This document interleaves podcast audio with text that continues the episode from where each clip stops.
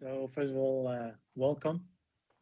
And Thank uh, you. I think uh, I'd give I give just a small introduction about you before you came in, but I think uh, just for the people who just joined us, I think uh, you have been uh, lec- uh, giving lectures at the University of, of Carleton, if I say it well.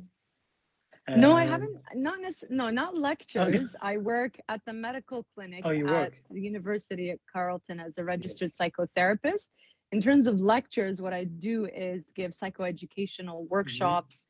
And inshallah, this semester we'll be looking at leading groups on how to manage and regulate emotions. Yes. So I've been there for around. I just completed 13 years. Had it look going into Mhm. 14 years now. Alhamdulillah.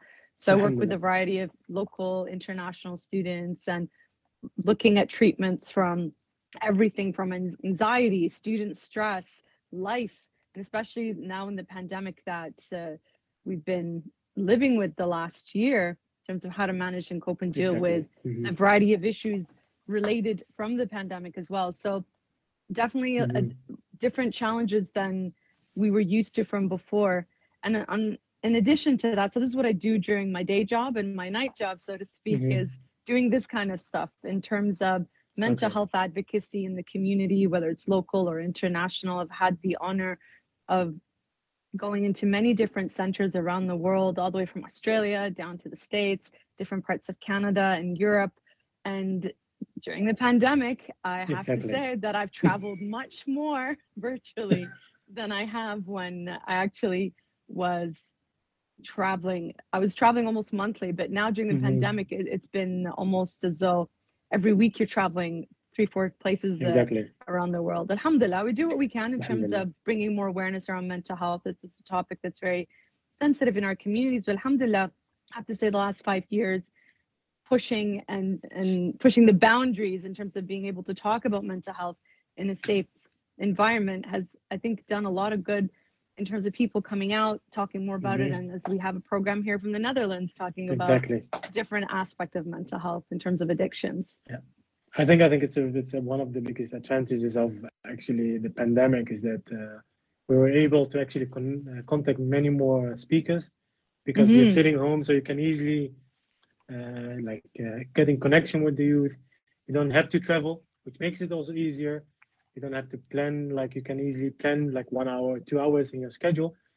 But I think uh, many people also know you from your Instagram, Facebook, but also from your lectures at uh, Light TV and many other also Elevate TV. So I think that was also for us a, an honor to actually have you with us because we think it's a very important uh, subject, as you said, and it's also a big taboo in our Islamic uh, community where many people don't talk about and actually. So that's why we think uh, it's a very nice subject. Uh, I think, like uh, to start with a small introduction about the about what we're going to talk about today, inshallah. I think it's also a podcast which fits really nice and actually connects to the previous one with uh, Sheikh Jawad Shomali, where we talked about actually the inner self, the knowing of yourself. Where actually Mhm. this uh, subject where we talk now about is this addiction. It's actually a part of knowing yourself and knowing where your limits are and what is causing these kind of addictions where we're living. Um, of course, we know the very famous uh, addictions as drugs and alcohol, but we live in the 21st century. We have many more new addictions. The modern addictions, as how we we can call them. Um, to actually, uh, before we, we kick off, uh, I would like like to tell everyone we have in the end, inshallah, 15 minutes for questions. If people have some questions, you can put them in the comments. Inshallah. And uh, inshallah, we will manage to do it all in one and a half hour. So let's see. Um, to kick off with the very first question, and I think one of the most important questions is uh, for us all to know if you can tell us a bit more about what is the difference between these classic uh, addictions and actually the modern addictions, which we are dealing now as the younger generation. Inshallah. Bismillah ar-Rahman ar-Rahim. Allahumma salli ala Muhammad wa ali Muhammad. I want to put it out there specifically that I am not an expert in the area of addictions. However, it's one of the most common things I do see in my office. And so, even within our clinic, what we do is we refer people out because it is a specialty area where we would send out our students and clients to seek special treatment.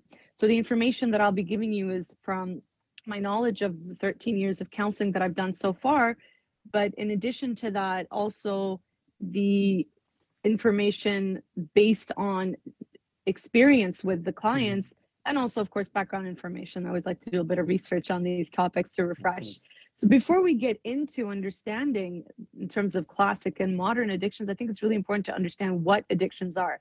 So i'm going to get into a bit of a theory Mhm. in terms of what it is. So so bear with me with the fun theoretical stuff at the moment but it's important to get the psychoeducational behind it. So we know that a person with an addiction they use a substance or engage in a behavior in which there is a rewarding effect which then compels them as an incentive to repeat that type of activity even though we know there are detrimental consequences. So this addiction can involve the use of substance as we know classically mm-hmm. like the alcohol inhalants opioids cocaine nicotine and behaviors such as gambling now because when we talk about mental health we also have to get into stuff that we're not comfortable talking about and one of the things that we know when it comes to addictions is also pornography, sex addictions. And I know these are things ah, within the Muslim Mhm. community, we don't really talk about them publicly. But when we're looking at it from a medical or from a psychological and mental well being point of view, and even an Islamic perspective, it is important that we talk about these topics openly with the intention of knowledge so that we can help prevent these or Mhm. help people who are struggling with it. So, definitely, these are aspects when we look at classics these are things that do happen within the community as well.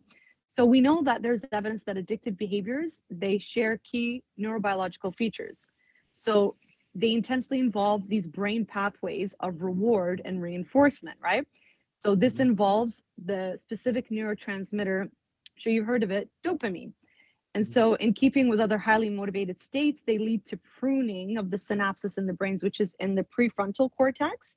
And this is the home of the brain's highest functions. So that attention is highly focused on the cues that are related to that target substance or that activity. Okay, so this is where it all happens in the frontal Mhm. area. So it's really important to know that these brain changes they are reversible after use or behavior is discontinued. People think that that's it. Once you fried your brain, that's it. But subhanAllah, research shows that no, there is that reversibility aspect of our brain.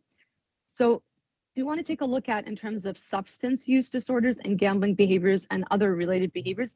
They have an increased likelihood of being accompanied by mental health conditions as, as such as depression, anxiety, or if there are pre-existing Mhm. problems, these are then triggered. So substance use and gambling disorders, they not only engage in the same brain mechanisms, they respond to many of the same treatment approaches as well.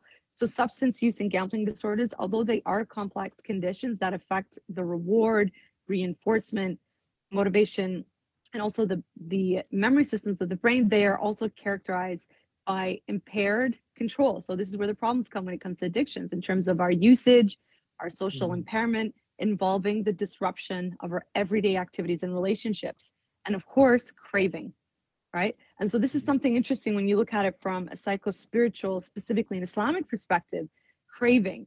This is Mhm. constantly when we're talking about managing our desires, right? Especially worldly desires and, and temptations. So when it comes to addictions and your brain is now wired to increase that dopamine release in the body, it becomes very hard to manage what we are expected to manage, right?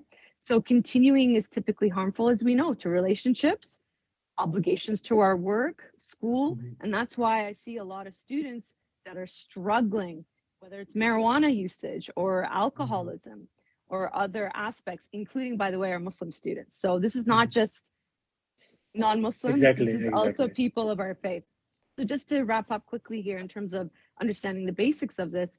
So another distinguishing feature of addictions is that individuals continue to pursue these activities Mhm. uh, and even though we know there's physical and psychological harm done and even if the harm is exacerbated by repeated use they will still do that so typically one's tolerance to a substance increases as the body adapts to its presence so what does this mean you know once you've gotten that little hit you want more Mhm.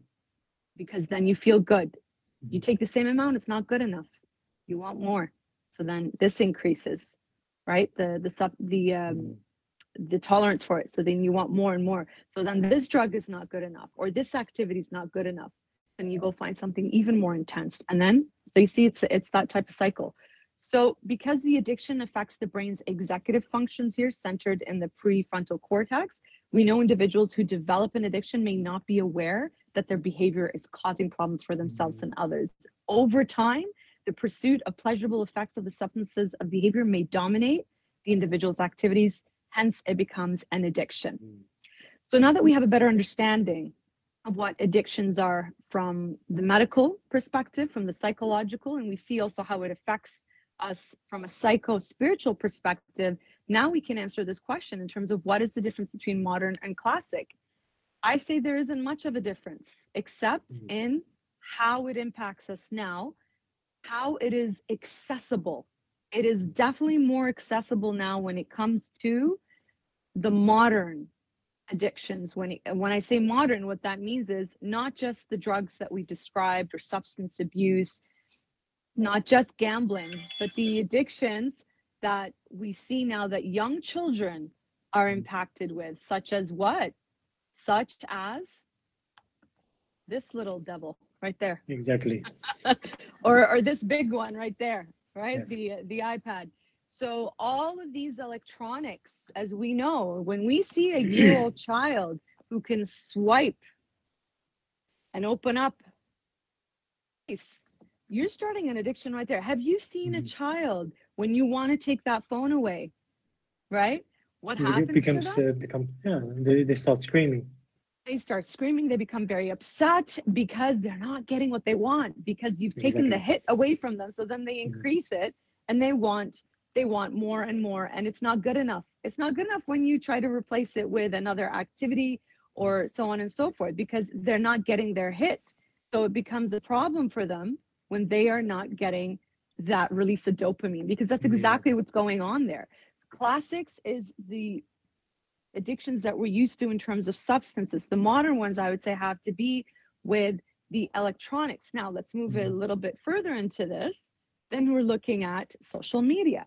Then we're looking about the self glorification of me, me, me, me, me, me that you see all over social media when it comes to people thinking of highly of themselves and putting themselves out there and they don't get the hits of that dopamine release if they don't get the likes if they don't get the follows and watching people who are watching them. You see that on instagram? You can see who's mm-hmm. watch your stories or or who's Exactly, liked.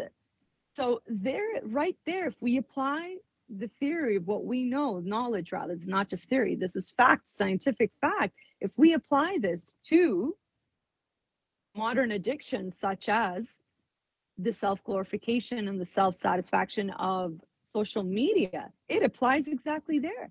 And i have students into my office who tell me these are the exact words i'm quoting. Mm.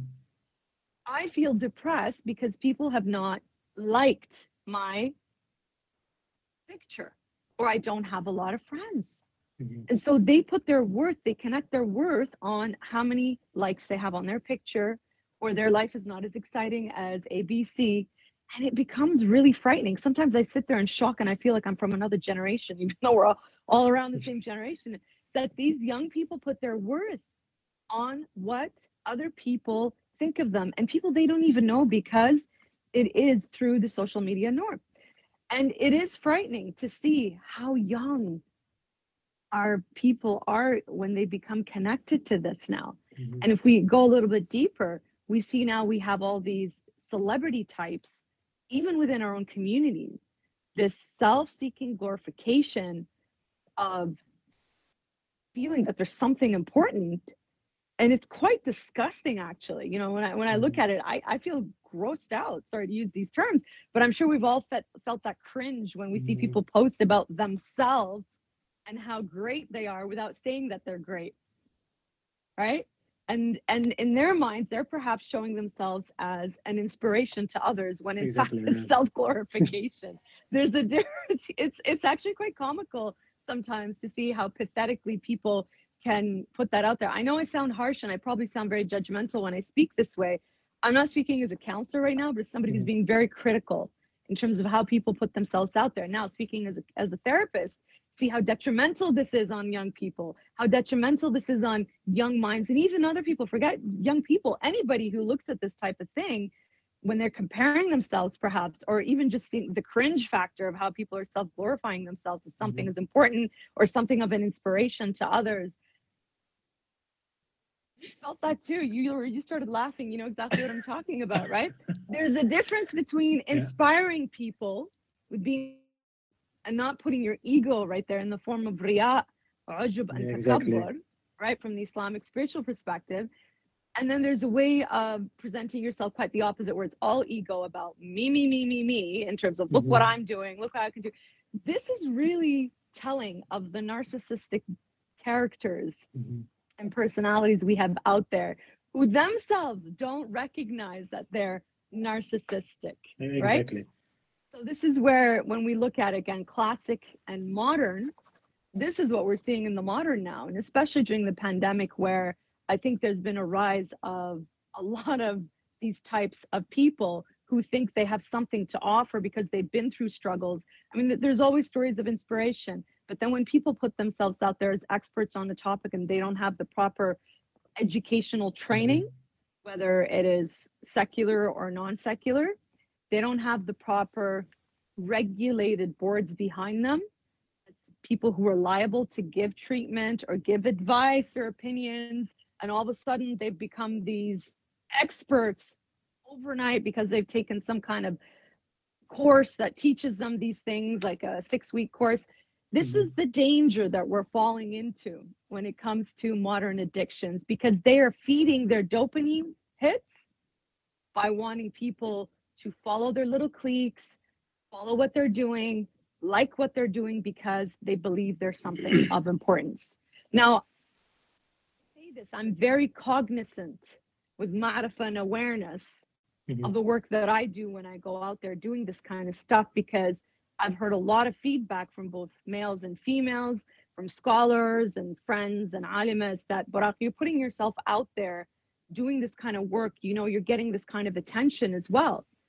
And in, in my per, per- uh, perspective, so what? I have a message to give when I'm talking about mental health. I'm Mhm. confident. There's a difference between arrogance and confidence in terms of what you have to offer for people, right? When you are passionate about a topic and when it's your work, not because you all of a sudden you're just inspired to do something. So, so it's, it, I've, I've heard this. A lot of people thrown back at myself. Oh, you're very egotistical or you're very this and that. I'm like, sure. Okay. Inshallah. uh, between me and God. Yes. But I think this comes with experience that you can hold yourself in terms of looking at what you are doing, being aware of what you're doing. And I give this advice to my young brothers and sisters don't be caught up in the allure of what you see on social media and, and the likes, because a lot of it is not real in the sense that people are putting things out there to feed your dopamine hit and theirs that is not authentic. They're trying to mm-hmm. show something that is not real. And now, because people are bored out of their minds, stuck at home, and they're locked down and they can't interact the way that they used to be, of course, our addictions now have been turned to using these gadgets to kind of keep ourselves amused and entertained, but not really, people are not really using it in a positive way to increase their knowledge. But alhamdulillah, there's so many programs such as this, that what you're doing, and a lot of other mediums where they realize, okay, there's a lot of tension now on this type of addictions. Let's see if we can reframe it in a positive way and use it for Mhm. knowledge.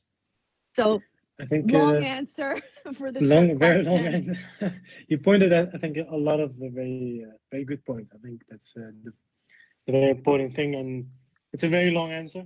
But I will try to point out some, some, some points you mentioned, which I think are very important. Like, especially the part that you said, like, when you, as a young girl or boy, when you're sitting on Instagram and you're looking all these celebrities or you're looking all these influencers, the very first thing you think is, oh, how happy they look. But for example, I know I know a lot of like I know two of my friends which I often speak with. Like when you look at their Instagram, you probably don't know the part that you feel in real life. When you as a young man in real life, and I've and I've seen them Girl, also boy, on when Instagram, sitting on Instagram. The problem is on on social media is what actually you're also saying is that real life and social media are two different faces. People on- Exactly. on social media have a face and in real life they have a different face. And many times it's like what which creates this problem is that we think that what happens on instagram what happens on social media what happens on facebook or whatsapp that is how people really are. But we actually don't know that they- maybe they have The big part that you said, problems they have many when you depressions young, or whatever I think maybe they're not fit that maybe they're not fit to give this advice and, Mhm. and help other people. When we're looking at entertainment versus knowledge it's, there's a difference of course. Are you looking at healthy entertainment? Is it detrimental to you? So we need to Mhm. bring these questions up for sure yeah. I think another one which was also very interesting is you, you were saying like you, you you always want want the, these likes, and I think that it is it has also something which everyone has, but it shouldn't become something which you always think about. Like for example, when I'm now talking with you and doing this podcast, I'm also looking at the number of viewers they're watching. It's something but what's which, your intent but what's your intent though behind it that's the difference yeah, exactly, exactly. So Yeah. so when when I'm thinking about it, like I'm thinking like, okay, how many of the young generation are we now like uh, uh, reaching? Are we reaching enough people? Are we do are we doing it well? Maybe we should do it in a different way. But it's, Exactly. it's, it's exactly as how we say it. What is your intention? And uh, the last point, which I really liked, is also like what you said is like we always get negative uh, feedback from people. Why are you doing it? Why are you not doing it? Why do you do it like this? And I remember I was once sitting with myself and I was, it's always easy to have critic on speakers or people who are doing stuff. But then I asked myself, then why are you you not doing it? If you if you have critic on someone else who is doing it, why don't you do it better? Because the, the, the issue is that when what you see also in the very young generation, also in Holland, is that you see them always trying to hide in the back. Is they always look at from far from far away. They always criticize people, and and if someone takes the place, they always say like, "Ah, why does this person takes this position? But then I'm saying like, why don't you take this position? Why are you not in the front line and doing the things he's doing? Exactly To go to the next uh, to go to the next one because I think we can keep on talking about uh, this Absolutely. whole subject. So I think if we go to the next part, and, and I think this is also a very important part for uh, brothers or sisters who have younger uh, sisters and brothers, or, or even fathers and mothers who see their children like sitting on these telephones, and because it's also normalized in like 21st century that you have a phone, that you sit on Instagram, that you sit on WhatsApp. So many of them have the question, when can I call it an addiction? When can I call that my child is addicted to social media? And when is it is it normal? If you can tell us like what is the difference and how can we see if it's an addiction or not? So when we described the definition and the meaning behind that earlier, we took a look at how it becomes something that you were not happy or content or satisfied with until you get the next hit, so to speak. Mm-hmm. That next hit will disrupt you from your work, from your school, from your responsibilities, from your families, et cetera, et cetera. That's when it becomes a problem. Anything that impacts your mental health in terms of it preventing and disrupting your daily life, that is when it becomes an issue. Just like when we talk about sadness or people feeling anxious, we all have these. I'm sure you were a little bit stressed or anxious when we were beginning the program and you started like, where is she? Why isn't she not on? I was actually getting the recording that you requested for me. I'm like, why did he ask me last minute? I got a little bit stressed. You know? But but this is normal life stress. You're you're supposed to feel stress. Adi, as we say in Arabic, Mhm. it's normal Exactly. right? It's how you cope and deal with it. It becomes an issue when you are consistently anxious and stressed and worried or depressed, let's say, for a certain amount of time. There's no specific number, but let's say a minimum of two weeks where it becomes disrupting your hygiene, your eating, your sleeping, your interactions with people, your focus, your attention. So when we talk about mental health challenges, this is when it becomes a problem where we need to go seek help. So same thing when it comes to addictions. When you notice that it is preventing you from reaching your full functioning ability because you are focused and you remember how we described it in the prefrontal cortex because this is the executive functioning of our brains. When this is impacted people around you are going to notice. And we and we also mentioned earlier that the person themselves are probably not going to notice it because they are focusing on that hit. They need one more turkish show drama before they can go to bed. The next thing you know they're up till five. Mhm. i'm guilty of that i have to Yeah. say during my time off work, I'm very guilty of doing that. But then that's my Mm-hmm. time off, and I know in my mind this is where I'm going to do that, but not definitely on a work day or a school Mhm. day, right? So that doesn't disrupt my daily function, for example. So the person, when it becomes an issue, is that and you notice it with a child, like we mentioned earlier, you take the phone away. Look at how we go as we say in Iraqi. Look how Mhm. they turn the world upside down. You know that's a problem like that. Now, I'll, I'll give an example where, because I'm very cognizant of this and very aware of this, with my daughter, I refuse for her to have an iPad or uh, an old phone or an iPod. I absolutely refuse. Absolutely refuse. She can only use my iPad, mama's iPad, when she needs to memorize Quran or when she wants to look at a craft video or when we want to look at silly cat videos for a little bit. That's it. Mhm. I refuse for her to have this. And it's because of, and we'll get into the next question. I don't want to jump too much into it, but because I'm very cognizant. When I saw her at one years old go swipe the phone to go look at Twinkle Twinkle Little Star, I was not happy with that at all. It was actually quite scary. So I I recommend for parents to watch their youth. Now, a lot of us, and we're probably a lot of us have been guilty of doing this, is when we have a crying toddler or a child, the only way to quiet them down at the masjid or at home or for us to get a, two minutes of peace is here, take this and go. Right? But this is the equivalent in my perspective and what I've seen with other experts, and we'll get into it later, is that this is you throwing cocaine to your kid and saying, go enjoy it for a Mm. few minutes. When we described it earlier with the dopamine release, that's what you're doing. When you think Mhm. about it that way, guarantee you you're not going to give that electronic gad- gadget to your child, right?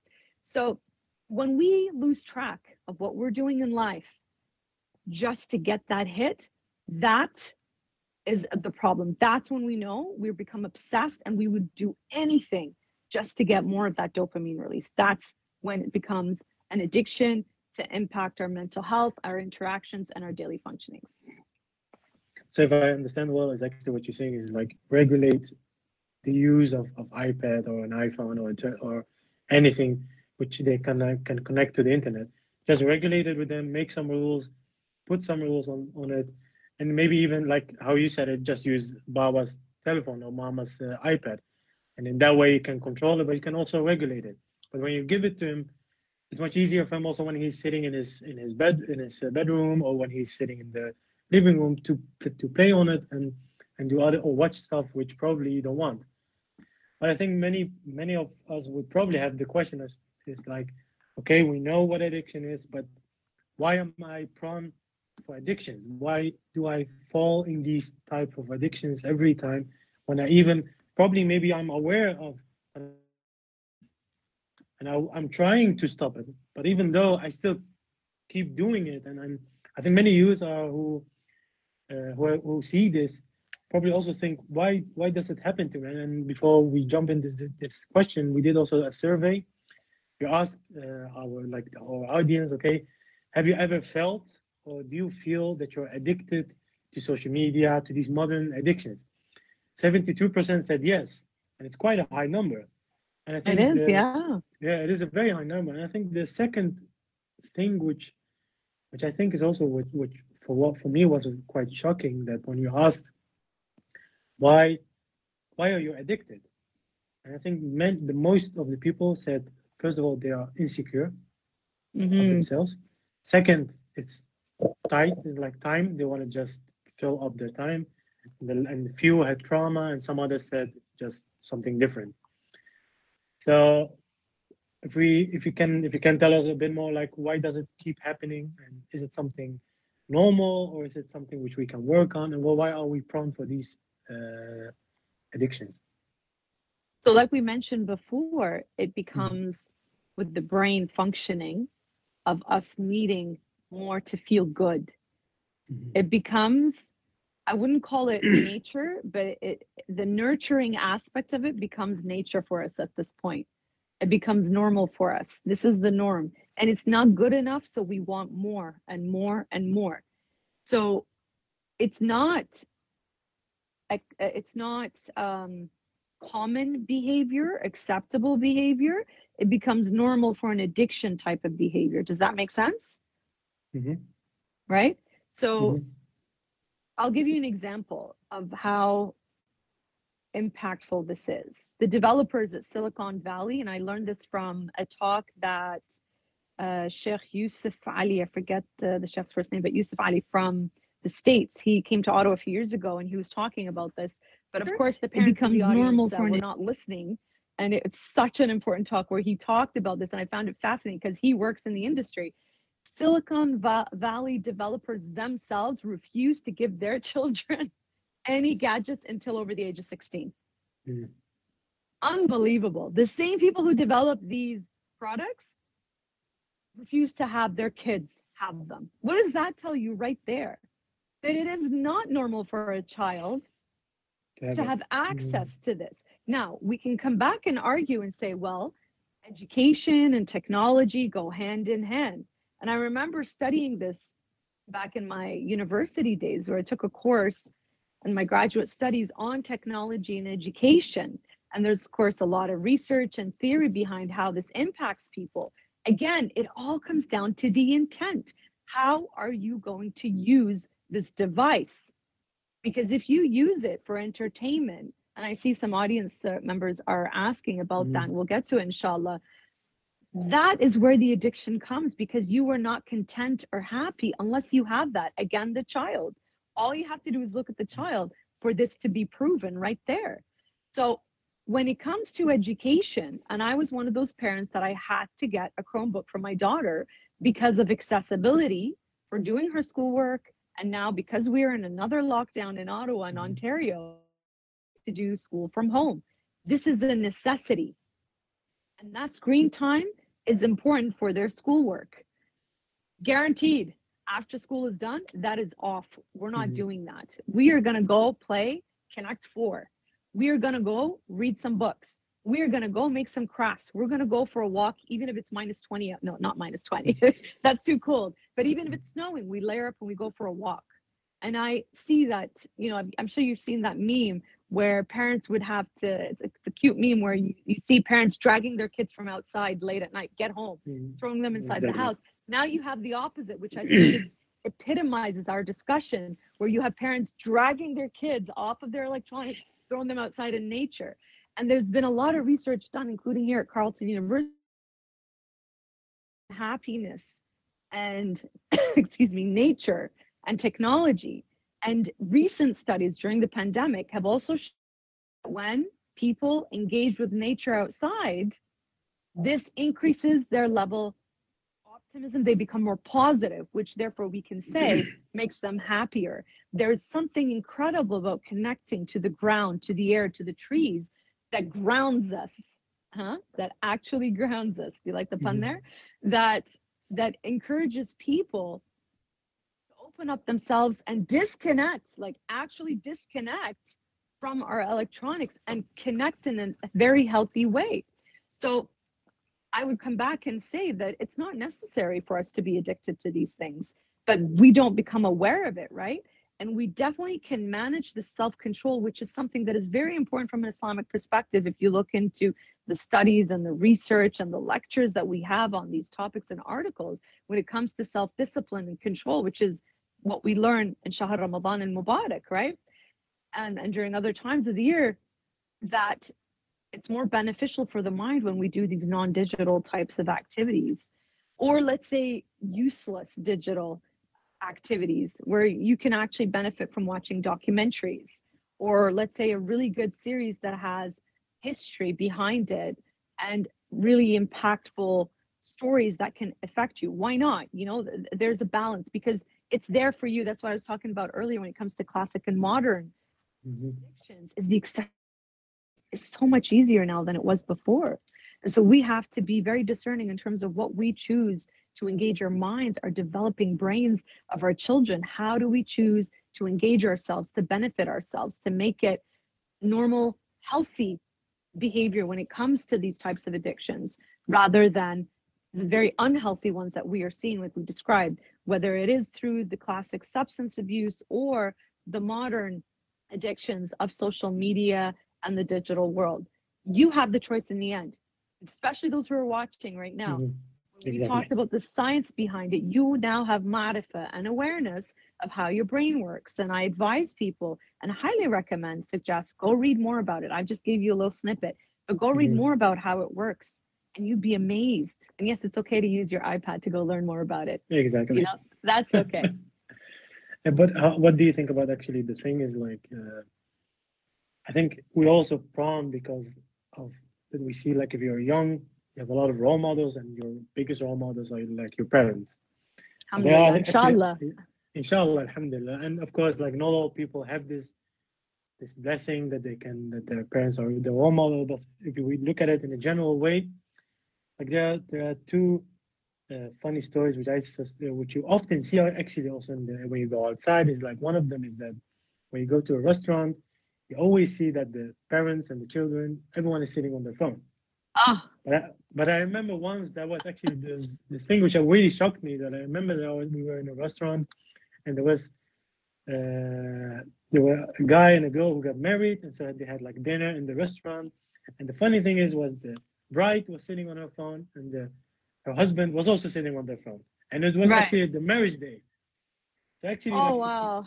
if you if you if you look at it is that like we also grow up in a society where they be, this whole like way of living becomes really normal it's really normalized but also like if you look to the i think we are we're not talking only about the young generation but if i look to to like if you go to the old mosque like the to the mosque and you see like oh even the old generation our parents are getting addicted to the phone also getting addicted to these kind of phones use it um uh, do, you- do you also think that these young generations are prone for addictions and getting more on the telephone and social media because they don't get this attention or love of their parents Mm.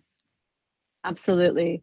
I, I see that a lot where people are getting replacement through the fake love, the disingenuine love from the likes of others, the comments of others. And perhaps when it comes to couples, that, you know, when a woman puts a picture of herself out there and she's getting comments from the opposite gender, of course, there's that's a whole other discussion that we can have Mhm. on that. But wh- what is your intent when you were doing that, right? are to get compliments do you have a message behind that and so that could feed something that is missing in their lives. That's that um that digital interaction so to speak that online interaction with other people where you are connecting with other people we've seen the dangers with that. When you have people who are using fraudulent or fake accounts they're men pretending to be young women to talk Mm. to other women.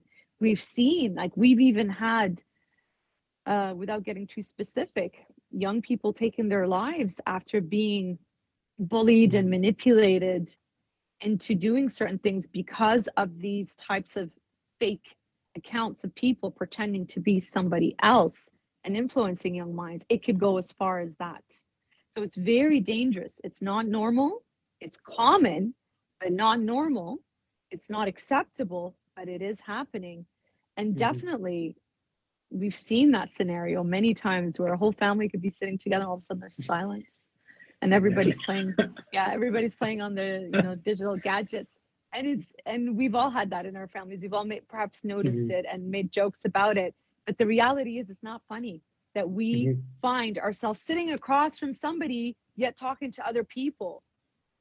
You do that. I have a friend who absolutely is horrible on the phone which is probably a good thing they talk about preferring face to face or calling rather than they're like i'm not good at texting. And this person's trying to get married. I'm like good luck. If you're trying to to talk to somebody to you know get to know them of course we're using the, these uh, The online WhatsApp, yeah.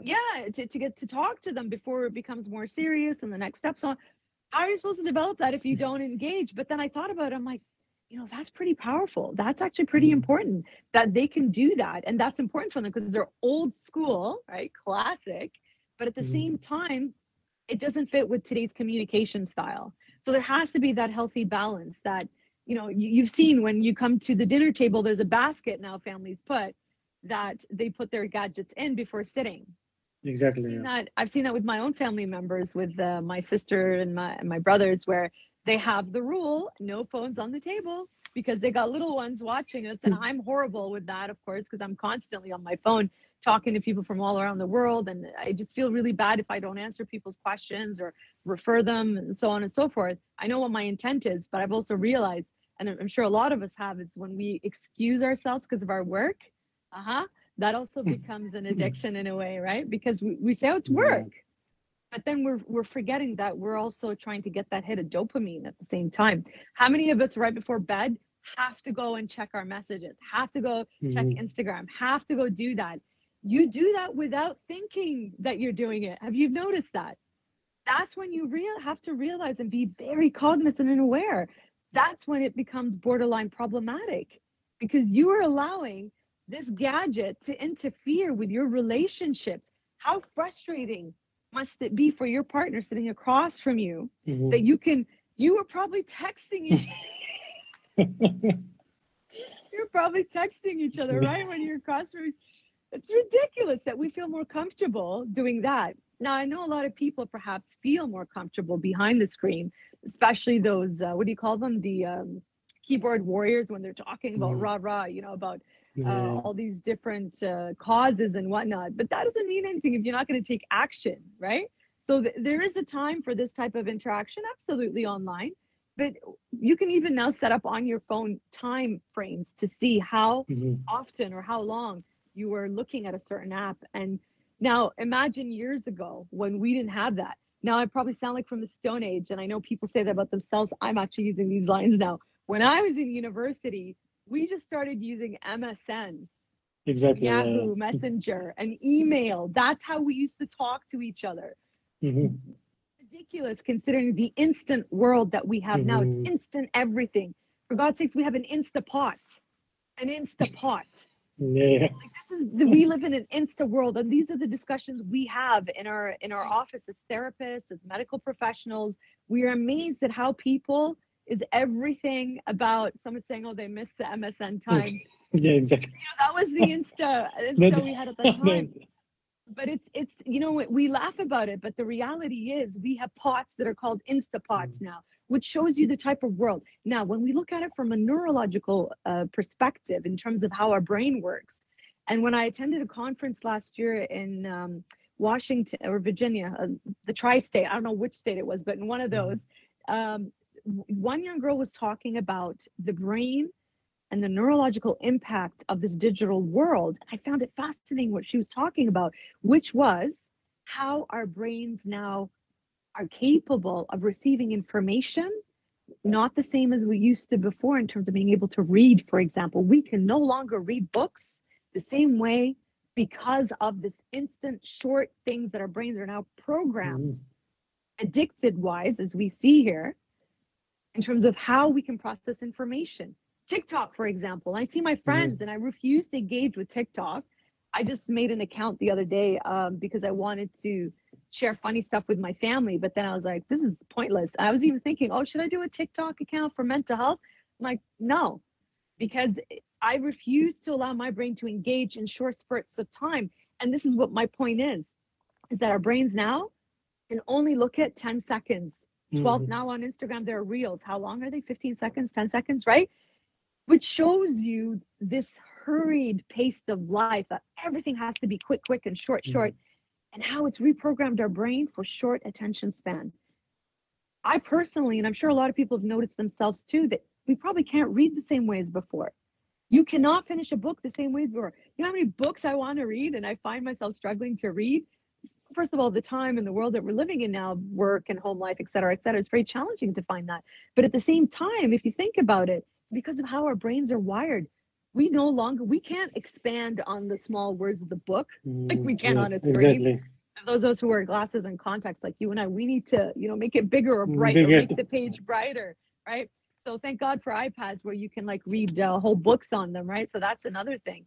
At the same time, when it comes to attention span, this becomes an issue for our young developing minds. But also, I ask my peers and my brothers and sisters who are of our generation, reflect on how you now process information when it comes to using digital gadgets versus books. right? People don't have the patience. And these are the talks we have in our office at the clinic. People don't have the patience or the desire to look at longer videos, let's say like somebody mentioned here, right? They they don't have the interest or the brain capacity in this case anymore to look at things for a longer period of time. That's why you have all these short videos out there when it comes to Islamic content, when it comes to mental health, or whatever topic of interest you Mhm. have. People are now making them shorter and shorter to try and grab Yeah. your attention. Like, who can actually sit through a whole documentary or a whole movie? Or unless you're binge watching and then, you know, you got your dopamine hits going. But these are things that I think we really need to be cognizant for ourselves, but also for our young developing minds. Yeah, I think I think that's a very very good point. Is like if you look on on Instagram, it's always like these uh, sixty second videos or these five tips of of uh, getting bigger iman, and it's really about fast fast learning. Fast, yeah. It's all about fast because life is also time is flying away, and people.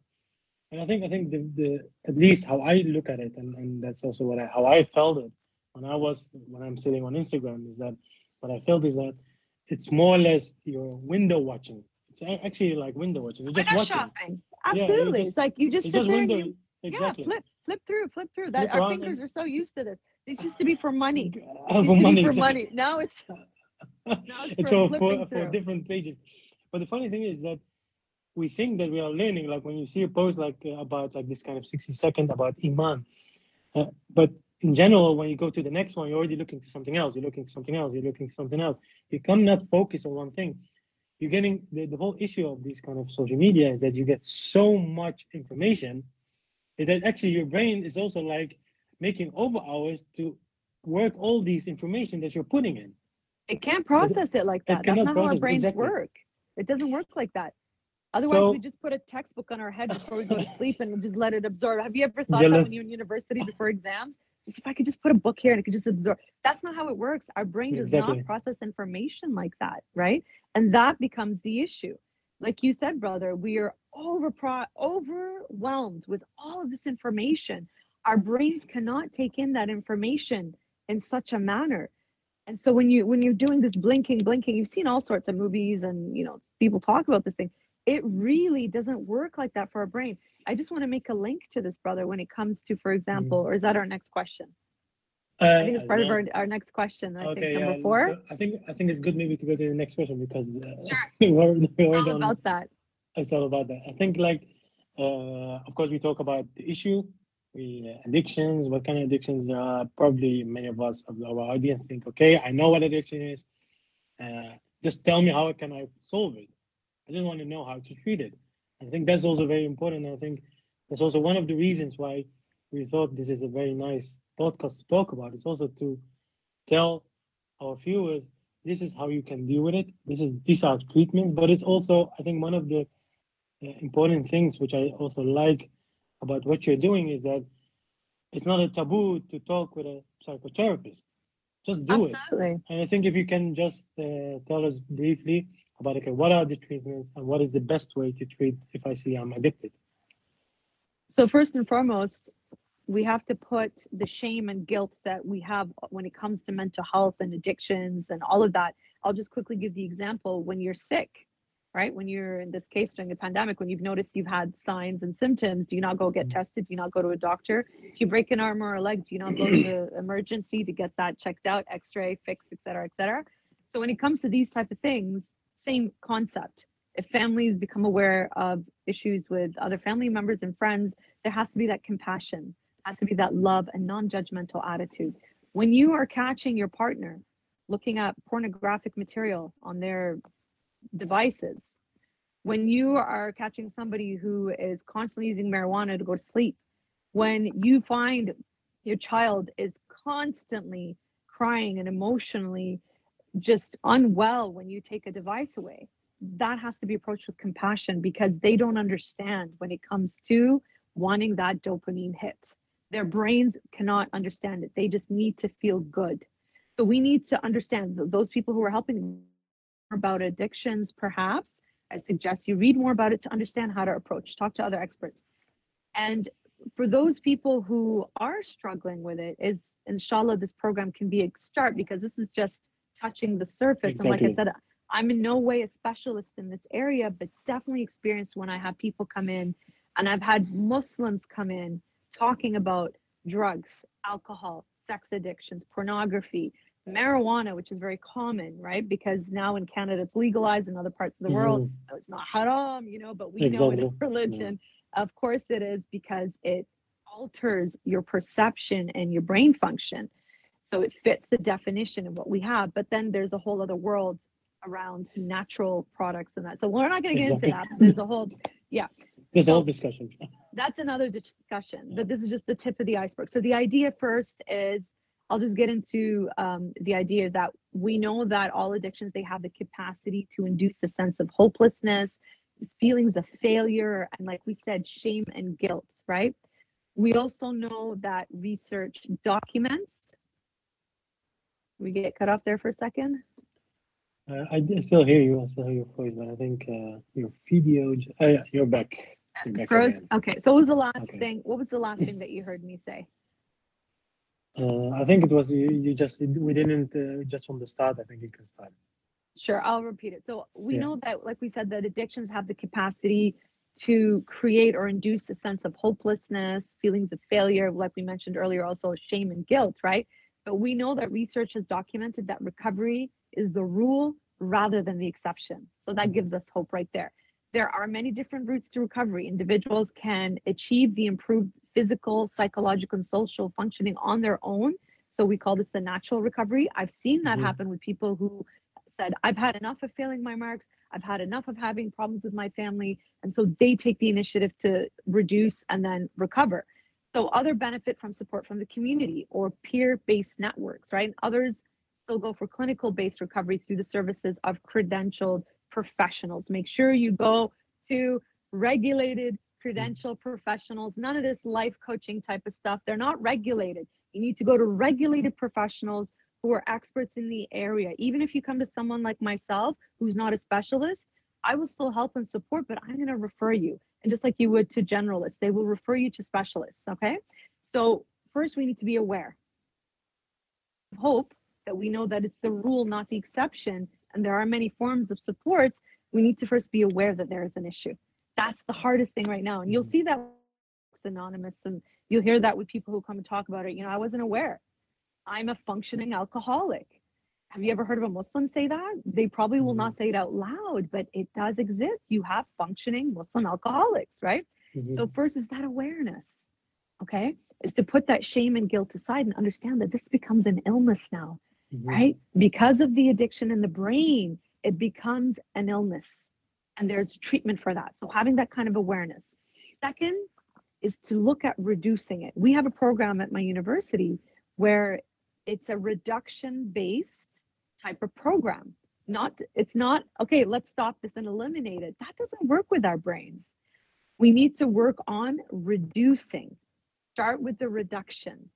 Once you reduce it bit by bit, then you're working on changing the neurology of the brain as well, right? With all that we've described earlier, you're you probably won't need as much dopamine, but it takes time for that the brain and the cells to redevelop itself, right?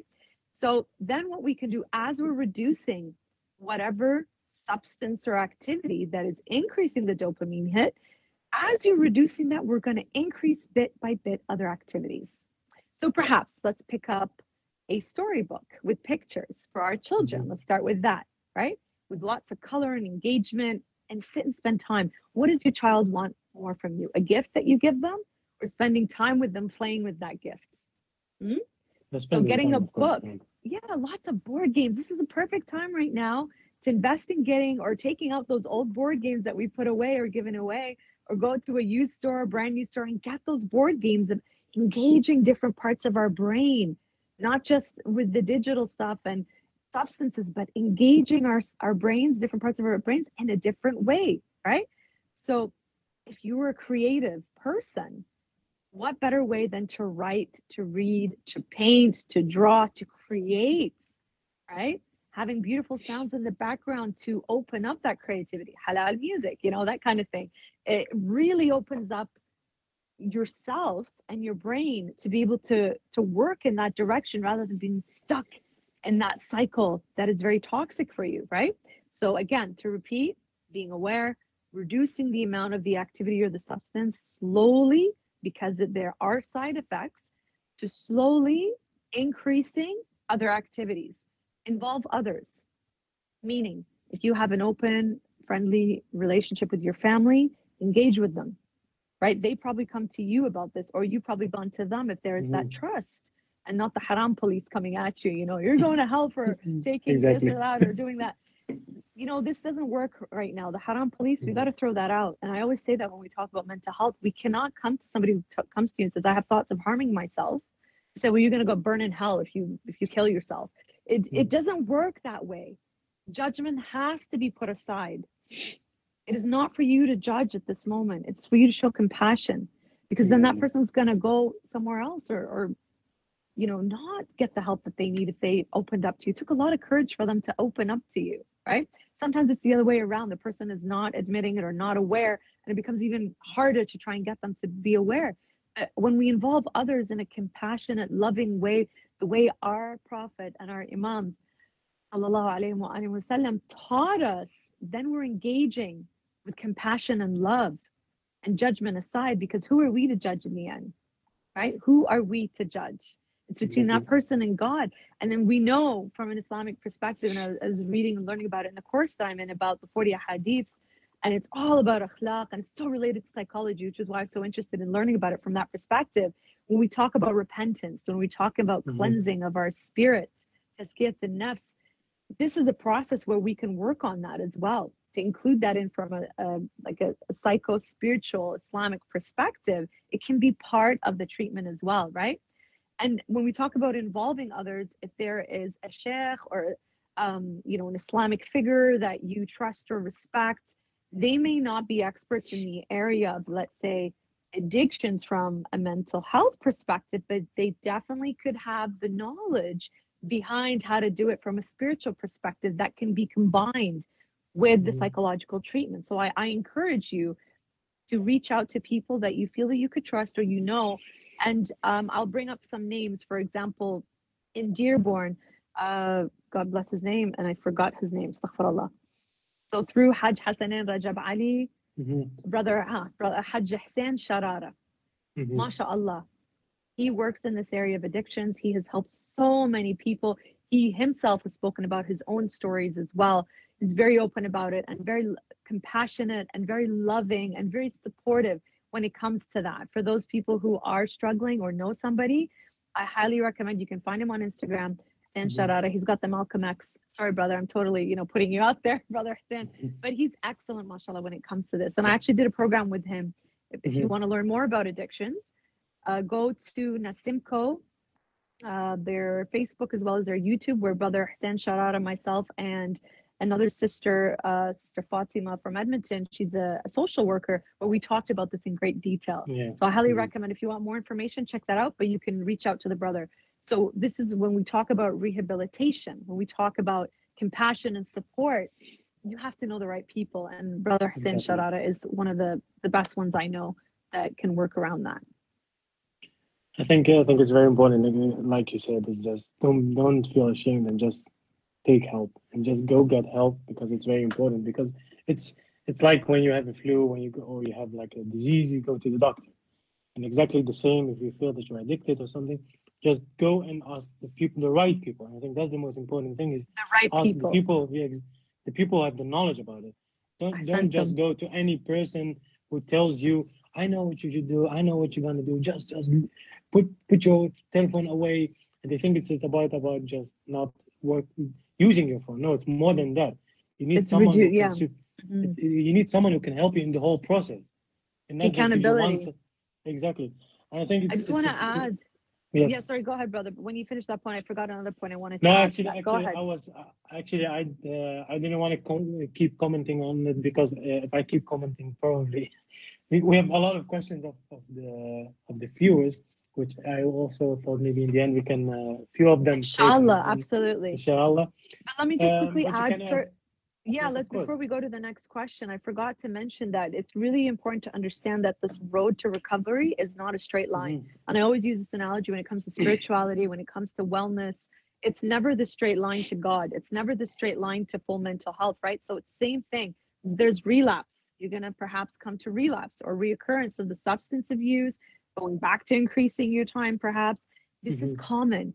It is common, but it's not doesn't mean it's the end of the road, right? So for those who achieve this remission or or an addiction disorder for let's say for five years, we see from research that the likelihood of relapse is no greater than that among the general population.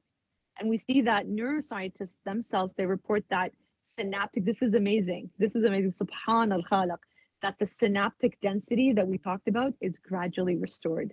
That Mm. shows hope right there. Mm, But just remember, it's never like this. You're gonna have relapses, you're gonna have up and down, ups and downs, and that's okay.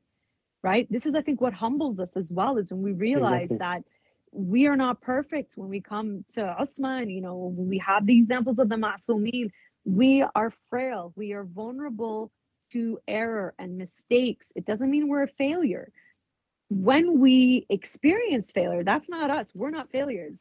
Experiencing it doesn't define you but it gives you the opportunity to learn from this, to grow from this, to seek the appropriate help, like you were saying. So I just wanted to put that out there. No, of course. I think, I think it's a it's a very very good point that you actually make, and uh, Allah Subhanahu wa Taala also says in the Holy Quran, "Inna ma'al usri yusr." After Inna hardship, there will be good. Not think- after, no, no. Mistake, like, brother. yeah. Sorry, not after. With. With, With. we always say Exactly, after, yeah. but it's not in the Yeah, with. with. With. We have to understand with. So, so it's it's very important that you have to know is that if, if, if you have hardship, there will always come good after it. And, and and exactly as you say, it's gradually going up. So it's very important to to actually know. It's also like building a house. You cannot build a house when you start with the roof. It's always starting that step by step, and it's it's a very important thing. Strong think- foundation. Exactly. Um, to go to the uh, last question, uh, it was a yeah, very nice talk. We have a lot of good answers, and I think the last question, which personally I think is also I find interesting, is uh, does religion play a role in your like therapies, and do you see like uh, an effect, a direct effect of religion in your therapies or not? Absolutely. This depends also on the client that I'm working with, the patient that I'm working with. If you have somebody who does not have religious inclination or faith based, and I'm not saying just Muslim, any religious or faith based background, then using the talk of religion in therapy is just pointless. There's no point in discussing that, right? You need to use more, I guess, of secular type of language to connect with the person to help them whatever they've come into. Now you have the, and I always share the story because I find it funny, uh, but there's a point to it. The best is when I go into, now it's all virtual, but back when we were in the office, when I go into the waiting room and I call out, you know, Muslim name that's obviously Mhm. Muslim and they look like whether it's a hijabi or not hijabi, sometimes you can't assume. And then the look on their face when they see a muhajjaba uh, therapist comes out to call them, Yeah. the look of horror on their face that comes out. Like, oh my god i have to share with her all the haram things that i Mm. have done and so you know you get that i get that quite often and then sometimes you see the amazing looks of yes thank god she's going to get what i'm talking about i don't have to explain myself about my 4 p.m curfews when it's dark outside. I don't need to explain that. They get it how you know muslim parents can be that type of thing. So it, it's quite amusing sometimes when we when we see that but the reality is and it's heartbreaking the trouble that our clients sometimes experience. So depending on who i get if the person not just muslim if a person wants to use faith-based spirituality uh, or psychology psychological type of treatment then of course i'm going to use that likewise if somebody who doesn't adhere to faith i'm not going to use that type of strategy or different coping mechanisms to helping them with that I've had those clients where, where, like I said, they come in w- struggling with challenges in their life that's impacted them. Let's say whether it is uh, school, they're not doing well in school, they're addicted to marijuana. There, some of them are international students who come in where they have to pay hefty fees. Their parents, mm. their parents are not here with them. Their parents are in Qatar or wherever around the world, and they're here, as we say in Iraqi, They're just mm. playing and having fun, and they're not doing well. And they come at the end of the semester when their parents are demanding to see their marks, and they don't have much to show, and they feel that they're in trouble. Hmm. And so, so what would in that moment? Is religious talk going to help this person? No, absolutely not in that moment. Like we can't say inshallah khair, you'll be good. You know, you're not going to get that whooping from your parents. And I, I don't mean literal, I mean like, you know, the verbal. And uh, although some of them will get that, right? So we have to be careful which culture we're talking about. However, however, look at the issue here. All right, so there's addictions to marijuana. There's the issue of you failing your courses. There's the issue of you can't take next semester's courses unless you pass this. So then we look at problem solving. Right. We'll get into the problem solving. All right, I'm going to connect you with the registrar's office. I'm going to connect you with an academic advisor. I'm going to connect you with the student academic support services to get you back on track. Let's talk to your professor. What can we do to get back on track with your studies, with your courses, with your this? So we do a lot of problem solving, referrals to other amazing supports that we have at the university. And then we get, once we've done all this, you find that the person, I'm talking specifically a Muslim type of person in front of me, I'd be like, oh, okay, alhamdulillah. I'm not as, you know, lost as I thought I would be. Now, this point, I noticed that a lot of people will come back and say things such as, you know, I used to pray, but I stopped. Mhm. So this is where this now is an opportunity to say, so what would you like to do about that? You notice I didn't say anything. Uh, so you got to have the skills and the ability to bring it in because you can't yourself impose. You cannot do that as a therapist. It has to come from what the client wants. I'm giving you the the insides of how to work this, right? So I'd come, I would come back, for example, and say, so what would you like to do about that? Not say, oh, how about you start praying? No, I can't say that. That's not how it works, right? It's almost like reverse psychology. So you say to them, so what would you like to do about that? And I recall vividly a situation where a young man said to me, I'd like to be able to pray more. He wanted that as part of his therapy. Mhm. So I said, okay, so let's look at that. What would that look like? Again, posing the question, what would that look like rather than me saying, so okay, so let's start by praying five times a day. So I put posed it back to them and say, so what would that look like for you? And so they said, well, to make sure that I get up for Fajr, to make sure that I pray the afternoon and evening prayers, and to consistently do that. I'm like, so how would you like to incorporate that into our therapy? So again, you notice I wouldn't come to say that to the client. I would get them to, to put that Mhm. into our action plan. I'm very much an action plan type of therapist where once we've done the problem solving, but it depends, of course, on the client. Some people just like to talk. So I send them off to other people who like to listen.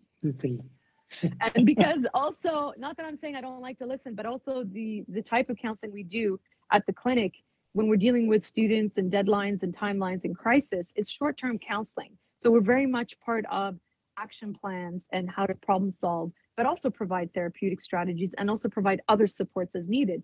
So then we after the problem solving, after the action plan, then we can move forward in terms of all right, next steps. So how are we going to incorporate all this into the overall plan? So I've just given you an example here. Depending on the client that you have, Depending mm-hmm. on who's in front of you, depending on what they believe, depending on what they want, they can bring that into the into it indirectly when you have somebody who's very delicate in their faith because they are coming into you with a wounded spirit, with a wounded soul, a broken arm. You can't tell somebody with a broken arm, let's pray more dua for the pain to go away. Exactly. No, you need to problem solve, right? Problem solving in this case with a broken arm is what? Go to the doctor, get x ray, mm-hmm. get a cast, give them morphine, manage the pain. then we can talk about du'as. Then we can talk about spirituality. Then we can talk about how they want to include the prayer. And this is the type of person, how you delicately work with them at their own pace, at their own level where they are at. Then you have people who are straight up come in and say, you know, I just feel so lost. And I've had that. I feel so lost in my spirituality. I want to incorporate religion back into my life. I want to incorporate uh, a'mal. I want to. I want to go to ziyarah. I actually had a client reach out to me even after they were Mm. done. They were done. They emailed me after they graduated because we had such in-depth chats and discussions about politics and religion and spirituality while we did the therapy and the problem solving that they felt they felt no judgment that they felt after they left that they can come and say i want to go to ziyarat al-arba'in because i used to always talk to them about my arba'in trips like Mm, all right when's your next appointment it's going to have to be after because i'm going away for a while mm. oh where are you going i'm going to iraq oh what for like Ziyarat al What's oh yes, I remember that. So then we'd have a discussion. So you see Mhm. how, and alhamdulillah, I have to just kind of plug this in here. Uh, this year for Arba'in, because of what's happened around the world, a lot of us couldn't go. I had the opportunity to finally, finally, alhamdulillah, put together a project that I've been very passionate about, which Mhm. answers this as well of the role of spirituality and religion in our mental health and treatment. And so we did Mhm. this documentary that you can find on the Muslim Counselor uh, that was aired on Ahl Bayt TV on the Arba'in pilgrimage and its impact on our wellness and mental health. It's a beautiful, beautiful documentary that was produced by the IRIC, if I get it right. The I already I'm so bad with acronyms. That's why I don't work in the government. But if you can look them up on Instagram, IRIC, Yes. um, the Islamic Research Institute Center. Mhm. I, I I think I got that correct. But IRIC, where they produced this incredible documentary where we're looking at this question and beautiful footage of the ziyara, but actually interviewing people and talking to them about the same question. How does the spiritual experience impact your mental health and well-being? And I think it's a it was it was something that has taken me over two years to put together because so Mhm. passionate. I had to find the right people to work with because you can't just throw this out there like that. It's very Yeah, delicate exactly. and and not everybody are not everybody's going to accept this type of thing so you need to develop it in a way and slowly develop it in a way that people can accept it just like you would like i described here in a counseling session with somebody who's very vulnerable how would you approach this topic with them so i highly recommend um, to, to check it out the documentary because i'm so passionate about this topic and Okay. and also because I think it answers a lot of question. And for those of us who didn't go to Ziyara this year, and I have to plug in, I have to because I'm so inshallah, I'm I think I think I think inshallah, if you can uh, send us uh, the link, uh, we will put it on our uh, we will put it on our Instagram and then inshallah we'll share it with everyone. So of course, uh, because it answers we- this question. It answers this question: How does how does religion play a role in our spirituality to help us in our mental health? And um, a lot of people contributed to this, whether it's reciters or um, people who that we interviewed. And I find it does have a pivotal role for those people who have faith at the core of their life. And we know from it, and this is a whole other discussion. I've, I've done uh, workshops and presentations at the national level. And I have to say this because I'm a proud hijabi Muslim woman that this topic was selected to be spoken and presented at our national uh, student conferences for universities, where you have therapists from different backgrounds come in to want to learn how to treat Muslim clients faith based and it's from an Islamic perspective. So I'm very proud, in a, inshallah, in, in a positive way about this because this was my own research that I did as a student in my graduate studies. And years later, to be able to present it at the national Canadian level is far beyond what you know I thought of as a student, where people would be interested in learning about this, how to treat Muslim mm-hmm. clients. So it truly does again to wrap up this this question depends on the person you have in front of you where they are at. And from an islamic counseling perspective in the end it comes about it's all about that salam that islam that mm-hmm. submission to allah subhanahu wa ta'ala when you have that troubled student that comes in who's into drugs and not doing well and have left their prayers they feel guilty about their prayers and they're taking the drugs because they're not putting their full submission to allah subhanahu wa ta'ala and so when you can turn it around and you can go to the core of what that person believes and work with that, how do you submit to Allah subhanahu wa ta'ala through that that inner peace of the word Islam? That's the core of Islamic counseling right there. How beautiful is that? And when you submit yourself that way to Allah and the balance, again, I said this is a whole other presentation, but the course here is talking about that inner submission, right? About balance. Because if you look at other psychological theories, for example, psychoanalysis is all about the mind and the past history. When you look at behavioral psychology theories, it's about how the human behaves. There is not such a thing as a very comprehensive until existentialist psychology came along, where it talks about the spirit, where it talks about faith. That was the closest part that I connected with as a Muslim student, because that's very close to our faith. And of course, looking at, if you want to take a look at, for example, Dr. Viktor Frankl, who was a Jewish Holocaust survivor, he was somebody I connected with in my undergrad in his books. And I actually have his books somewhere here. Uh, somewhere in my bookcase over here, um, where he he spoke about things that people of faith understand, especially as Muslims, where he talked about we find meaning in suffering. huh? Mhm. The survivors of the Holocaust concentration camps were people who believed that suffering brought them meaning. They had something to live for, and in the end, it was about God subhanahu wa ta'ala. So we connect with that. And so again, it is about that submission. And when you talk about that path, this is where the Islamic counseling, which has been around, might I add, for 1400 years, that is only now through modern psychology we are rediscovering. And through the passion that a lot of young people, alhamdulillah, finally seeing a lot of young people, both males and females, who are interested in this area.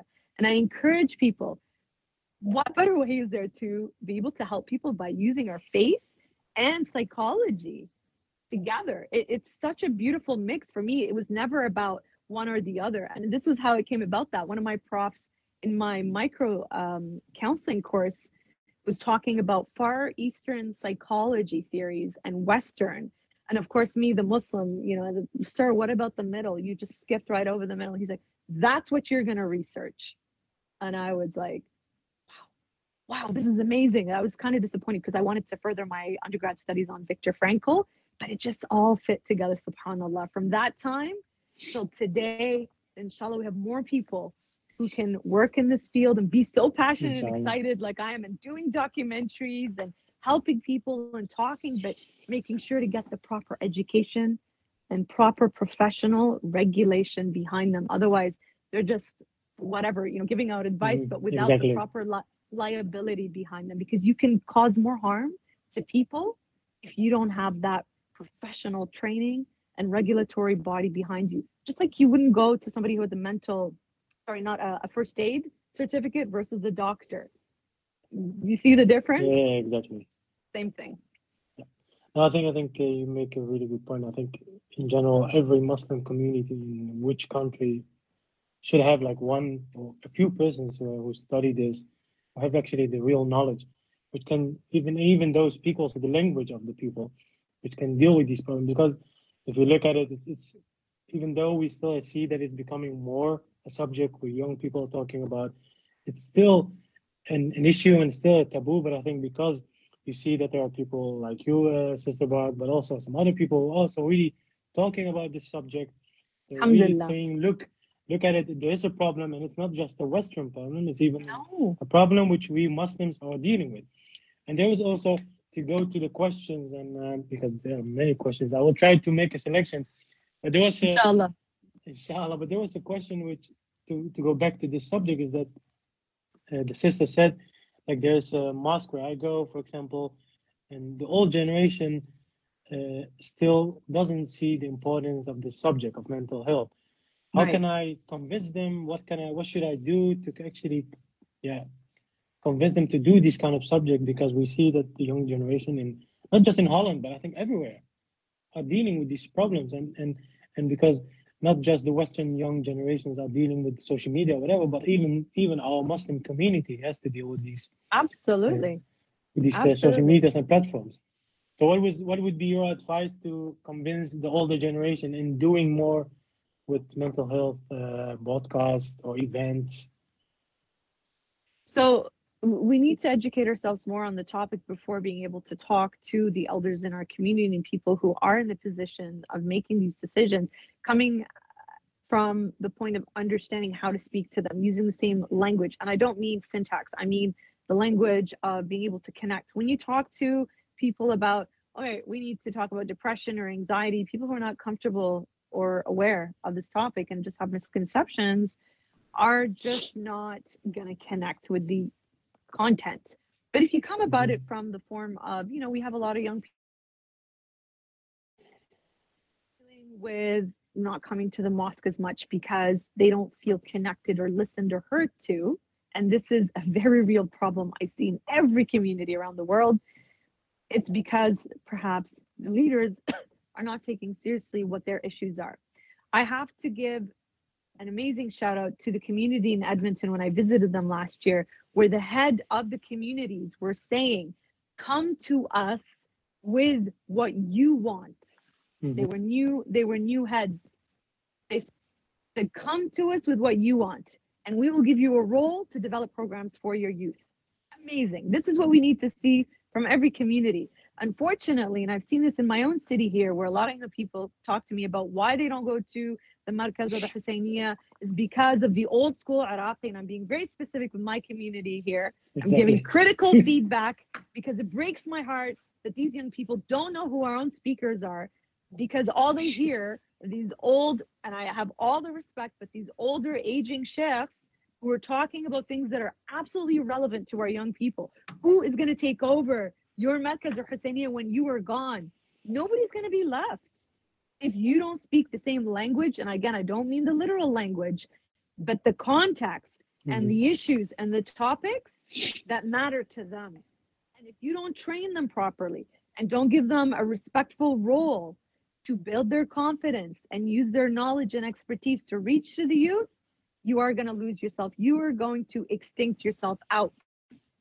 And it is so sad the Daggul Latam and all these majalis and all these, mm-hmm. they mean nothing. I'm sorry to say it, but they will mean nothing to these young people if you don't cultivate that love for the Ahlul Bayt in a language that they understand. And that's why I respect a lot of communities around the world that I've worked with who've invited me in and other mental health and different speakers that address these psychosocial issues from this lens, not just from the lens of let's do a majlis or a mawlid. That's not going to interest the young mind. Alhamdulillah, I've also started to work, and inshallah, next week you'll see the event. I didn't want to promote it until we finished our event because we have to promote this. But inshallah, I'll be working with an organization at the marja'iyya level where we are tackling mm. these issues where um, this awareness and want and need and recognition of how to address these with our youth. So, for the young people out there, don't give up. Do things amongst yourself. If your local head committee or a group does not acknowledge or doesn't want to, bless them. That's okay. You, amongst other like minded people, can create something. I also have to give a shout out and amazing, so proud of them, so happy the, the ARC group here in Ottawa, mm-hmm. ARC group of excellence, mashallah, young people around our age that know how to grab the youth by doing traditional type of events with a modern twist, so to speak, that know how to bring in the youth using technology, using digital technology as well, because we have to now, but addressing topics and issues that matter to our youth, to our converts as well and also using English. That's another thing that's very important to be able to use a language where you are located. That is very important for the youth that they connect and get with, that they're feeling mm-hmm. listened to. So, my young brothers and sisters, if your community heads are not supportive, that's okay. Reach out to the brother here, reach out to myself, and inshallah, we will do our best to encourage you, give you ideas, to connect you with other groups that you can easily access through modern technology to get ideas of how they did what they did. And you will get the ball rolling. You can get a group of people build up. Just like here in Ottawa a few years ago, uh, a group of students and myself and other passionate people at mental health, we developed the Serenity Islamic Mental Health Awareness Initiative. And that has grown over the years to the point, well, this year we, we were supposed to celebrate our five year anniversary with an amazing conference with amazing speakers from around the world. And we had all of this planned but subhanallah the ultimate planner had other plans and we had to postpone it. But look at where it started off with just mm. simple little psychoeducational programs on what is mental health who are the professionals what is stress what is anxiety. But tackling it from an islamic perspective with professionals who are muslims from this area whether it's medical doctors psychiatrists and different people in the field talking about it from an islamic perspective and it grew from something very simple. And we had okay i'm not bragging here but i have to say this okay? Because i'm so proud of what they accomplished mashallah. Canada's first muslim mental health conference 5 mm. years ago where it was acknowledged by the local media. And i didn't know it at the time but canada's first mental health conference muslim sorry by youth by young people mm. with the like minds when you put your intent together and you're passionate about something and you have respect and you work with like-minded people yeah there's going to be challenges you're going to have differences of opinions that's normal You, but you also have to be careful for the ego people in the groups, right? There are people who want it for themselves. Don't forget that. You got to weed those people out and work with the people with the same heart. You can get a lot done. You can accomplish amazing things together. Youth, you can do it. I know you can. I've seen it. I've been a part of groups like that. We're talking to a group of people here who do that. Now, we've had to cancel, of course, our conference this year, but it didn't stop us from doing one online. Alhamdulillah, we connected with great speakers and mental health specialists like Sister Anisa Diab, who's on maternity leave, like, sorry, maternity leave right now, but inshallah she'll come back. We spoke with Hajj Hassanin Rajab Ali Mhm. and Sheikh Azhar Nasser and the team of the Serenity team. And this is by youth, is by young people who, when the centers here didn't fully accept this concept of developing it within their own, we did something on our own. Now, this has become part of the community in terms of each center, I hope, are addressing this. And like you said, brother, every single center, Husseiniya, Markaz, Jami', Masjid, they need to have it. Exemplary, we have the Jafari Center in Toronto, the Jafari Village. They have an actual social services there uh, with therapists and these types of programs.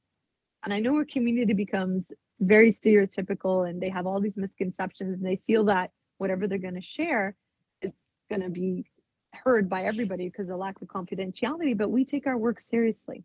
And it's really important to have that, inshallah, because our centers back in the day, if you read about and you hear about the Prophet's life and the Imams, the masjid was the social hangout. Mm-hmm. That's where it was. Everything was around the masjid, right? And it has to include all of these. Like the Jafari Center, they have a gym there, they have a muhtasal there, they have a jama' there, they have a school there, they have a ladies club, they have everything you could imagine. All these different ideas, and it's so well developed. They have a library there. Have you seen their library? They have a hanging, they have Kaaba that comes down Mm, and all of these beautiful historic Islamic history from pre-Islam, like from the the prophets all the way to Islam and beyond, in terms of the imams after the prophet. Beautiful, beautiful, and it's used for interfaith and intra-faith connections in the community. They're, by the way, in the heart of a Jewish community. mm.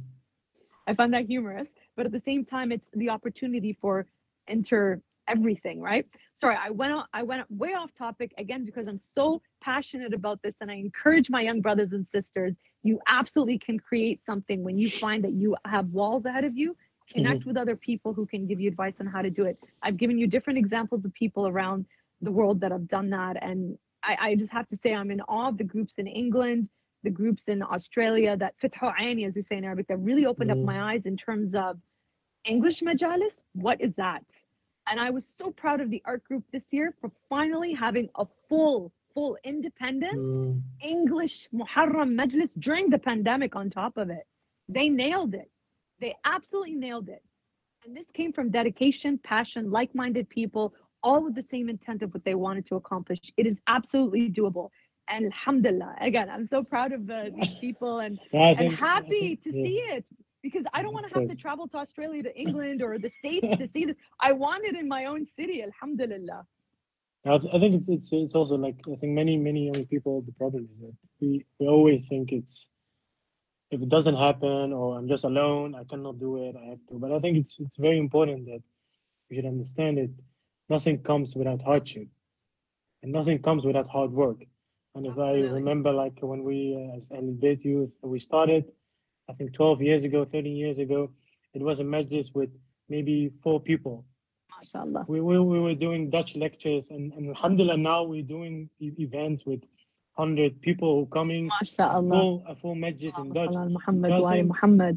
Allahumma salli ala Muhammad wa Muhammad. so I think I think in general the issue is do we have a vision and I think that's one of the most important things is that you should have a vision if you have a vision and even if you're alone I think if you have tawakkul subhanahu wa ta'ala just do it and don't be afraid because if you the whole issue is that we are afraid to fail.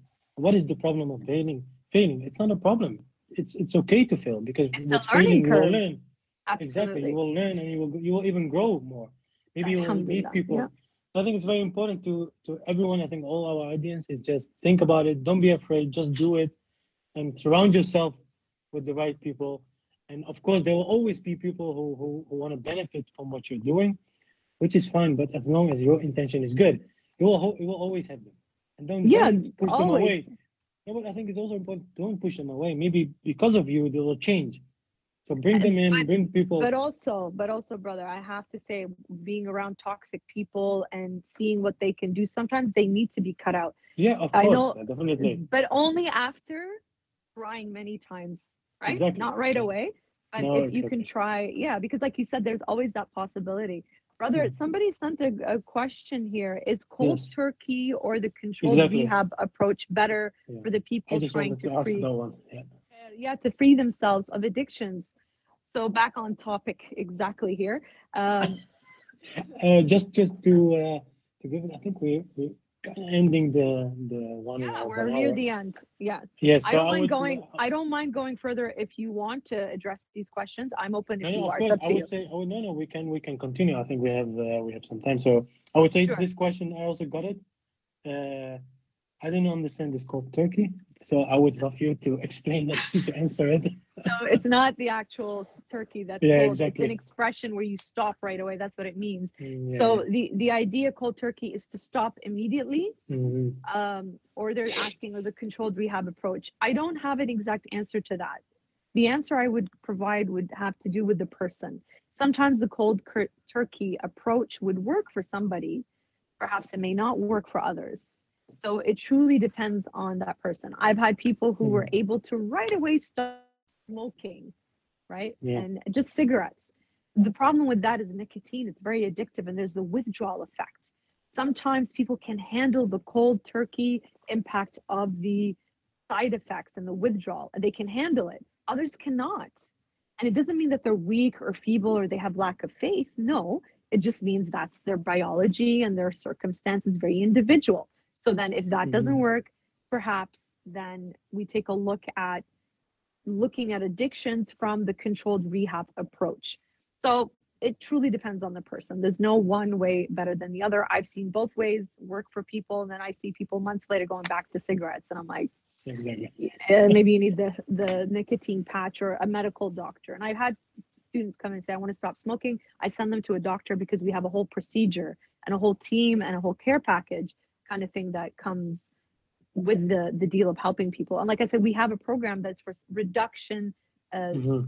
reduction. We don't call it elimination. We call it substance abuse reduction. And that's the context. That's the idea is that perhaps reducing it will then help you eliminate it later on. Uh, there was also one question which also is quite interesting. Like uh, I think many parents deal with it. Is that how can I take not give my child a phone when he's with children at school who have phones? How, how can I deal with it? How how should I treat my child in a way that he understands that's not good for him? Or it's it's quite difficult because I think in in the society, as, as you said, you had to buy a MacBook for your daughter. So how, what is the best? So she's asking, okay, how what is the best way to do it? I don't know. it this becomes very challenging when the child is already used to it. Remember the Mhm. dopamine, right? Exactly. The dopamine hit in the brain, it becomes really hard. This is where Mhm. reduction, I believe that reduction can help with this issue, looking at how to reduce the impact of the the with because they're dealing with withdrawal effects. When they're you take the phone away from them, they start crying. Their dopamine is not being reached the level, so they become very emotional and very upset. So this is where strategy comes in reducing it little bit by little bit so they're not aware, so they don't need as much dopamine, so to speak, and reintroducing different activities. I know it's really hard right now during the pandemic. This is where, and, and I, you know, there has to be a lot of self compassion as parents, working people who are struggling with finances, who are struggling probably with the, the virus itself and its Exactly. impact on so many levels. It, it's like, oh, now I have to figure out another new entertainment for my child, or I have to figure out other things. Perhaps we can use our devices in a healthier way. I'll give an example. A few weeks ago, there was a wonderful program by a group of women that they developed for young hijabi girls. And it was a great event that they had an author who had written about the book. They had different activities for the children. And it was a great opportunity for mother and daughters to do this, or the daughters on their own with the other people. I think they had over I'm not mistaken, 50 people or so, which was amazing from around the world that joined in. And they got to ask questions to the author. They followed along with the read along with the book. And so this is using devices that we have in very strategic, interactive, intellectual, spiritual, religious ways. Where the people were engaging with each other, they were they gave the girls an activity to do, and then they showed afterwards their picture or the craft of what they made. And people were they had also Q and A questions, a little bit of competition, prizes. So it's still doable for our young children to use these devices, but Mhm. parents be very how you want them to use it. Just allowing them to look at YouTube videos or TikToks is absolutely going to destroy their brains. They were not going to be able to interact in a healthy social way. And if we look at it down the road, how are these young people going to interact with each other for marriage? It'll be like that couple. Let's go full circle Mhm. now. It'll be like that couple who just got married and are on their phones talking to other people instead of connecting with Exactly. themselves. Exactly. Um, I think yeah, we uh, we just filled our one and a half an hour with a lot of good answers, a lot of uh, Inshallah. good talks. Inshallah. Alhamdulillah, I think uh, to be honest, I, I I thought personally, I think I'm I'm very honored to have this talk with you. It was very nice. was My very pleasure. My pleasure, I've learned a lot from you. It was very nice. I don't think we we we pointed out some some very important uh, uh, problems, but also some treatments. And of course, it's a big subject, so we cannot deal with everything in one and a half an hour. But I think it's maybe a good start for Yes. something bigger, for many more uh, lectures, inshallah. Inshallah, ya Rab. Um, وأنا بخدمتكم thank- inshallah. Thank If you very need, much. if you want to discuss other areas, this is this Inshallah, is a good one, inshallah. and there's so much more. Inshallah بخدمتكم, and we can also connect other people in the Inshallah. area as well. Inshallah. Thank you. Shukran and uh, Jazakallah alif khair. It was very, very nice to have you. I think also thank our audience for the comments, for the interesting discussions in the in the comments. Absolutely. Uh, yeah, think, uh, yeah, I think everyone was really passionate about it. And I think that's what we want to see. We want to see that everyone talks about it, shares with his uh, people around him, and start projects. And don't be afraid. And I would love to give actually the last word to you. And I hope that you can do it in 60 seconds. Inshallah, ya Rab. And- First and foremost, thank you so much. It's been an absolute honor for you um, to, to reach out and ask, uh, you know, to talk about this. So it's an, an my honor to to serve in any way that I can. Thank you so much to the whole team to who worked so hard on promoting it and working on everything. مأجورين إن شاء الله وتقبل الله أعمالكم. And Thank for those of you who are struggling, whether it's mental health issues, whether it's addictions, and I repeat it, it takes such courage to reach out and get the support and be aware that you, you know, it's it's a it's a rabbit hole, as the expression goes. You can fall down, but you can also dig yourself out. And we're here to support you, inshallah. For any of you who are struggling, don't hesitate to reach out to myself. If you if you don't speak English, you can reach out to the brother. He'll direct you to me. I just have to put it out there also that I cannot do the treatment. I will refer you to other people potentially. So, inshallah, those of you who are struggling, you have the courage, you have the ability, and there's no shame in that. And, and Allah teaches us in the Quran and through the example of the Prophet and Ahlul Bayt alayhim salam, when it comes to repentance, when it comes to forgiveness, when it comes to hope, when it comes to cleansing ourselves and, and building ourselves and empowering ourselves, it's all there. And you can absolutely do it through treatment, through mental health uh, strategies, and going to the appropriate professionals, inshallah. Thank you so much, brother. It's been a wonderful chat with you. And Yeah, and you uh, and also just coming out of just the clinical it's because i've been on a break now through the Yeah. holiday so it's Mhm. good to to kind of get back into it a little bit again Good. before we start working all the information. Yeah, absolutely perfect. I think uh, I think uh, everyone can uh, find you on Instagram.